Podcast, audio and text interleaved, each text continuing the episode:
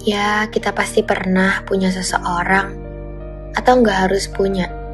Seenggaknya kita kenal satu orang yang rasanya apa pun bakal dilakuin supaya dia bahagia.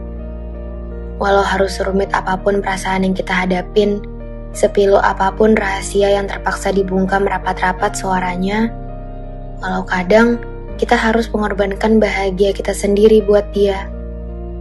Sosok dia yang bahkan gak tahu kalau ada seseorang yang udah lama nungguin, peduli, ngedoain, ngelakuin hal-hal luar biasa yang jika dia tahu, dia pasti nggak percaya.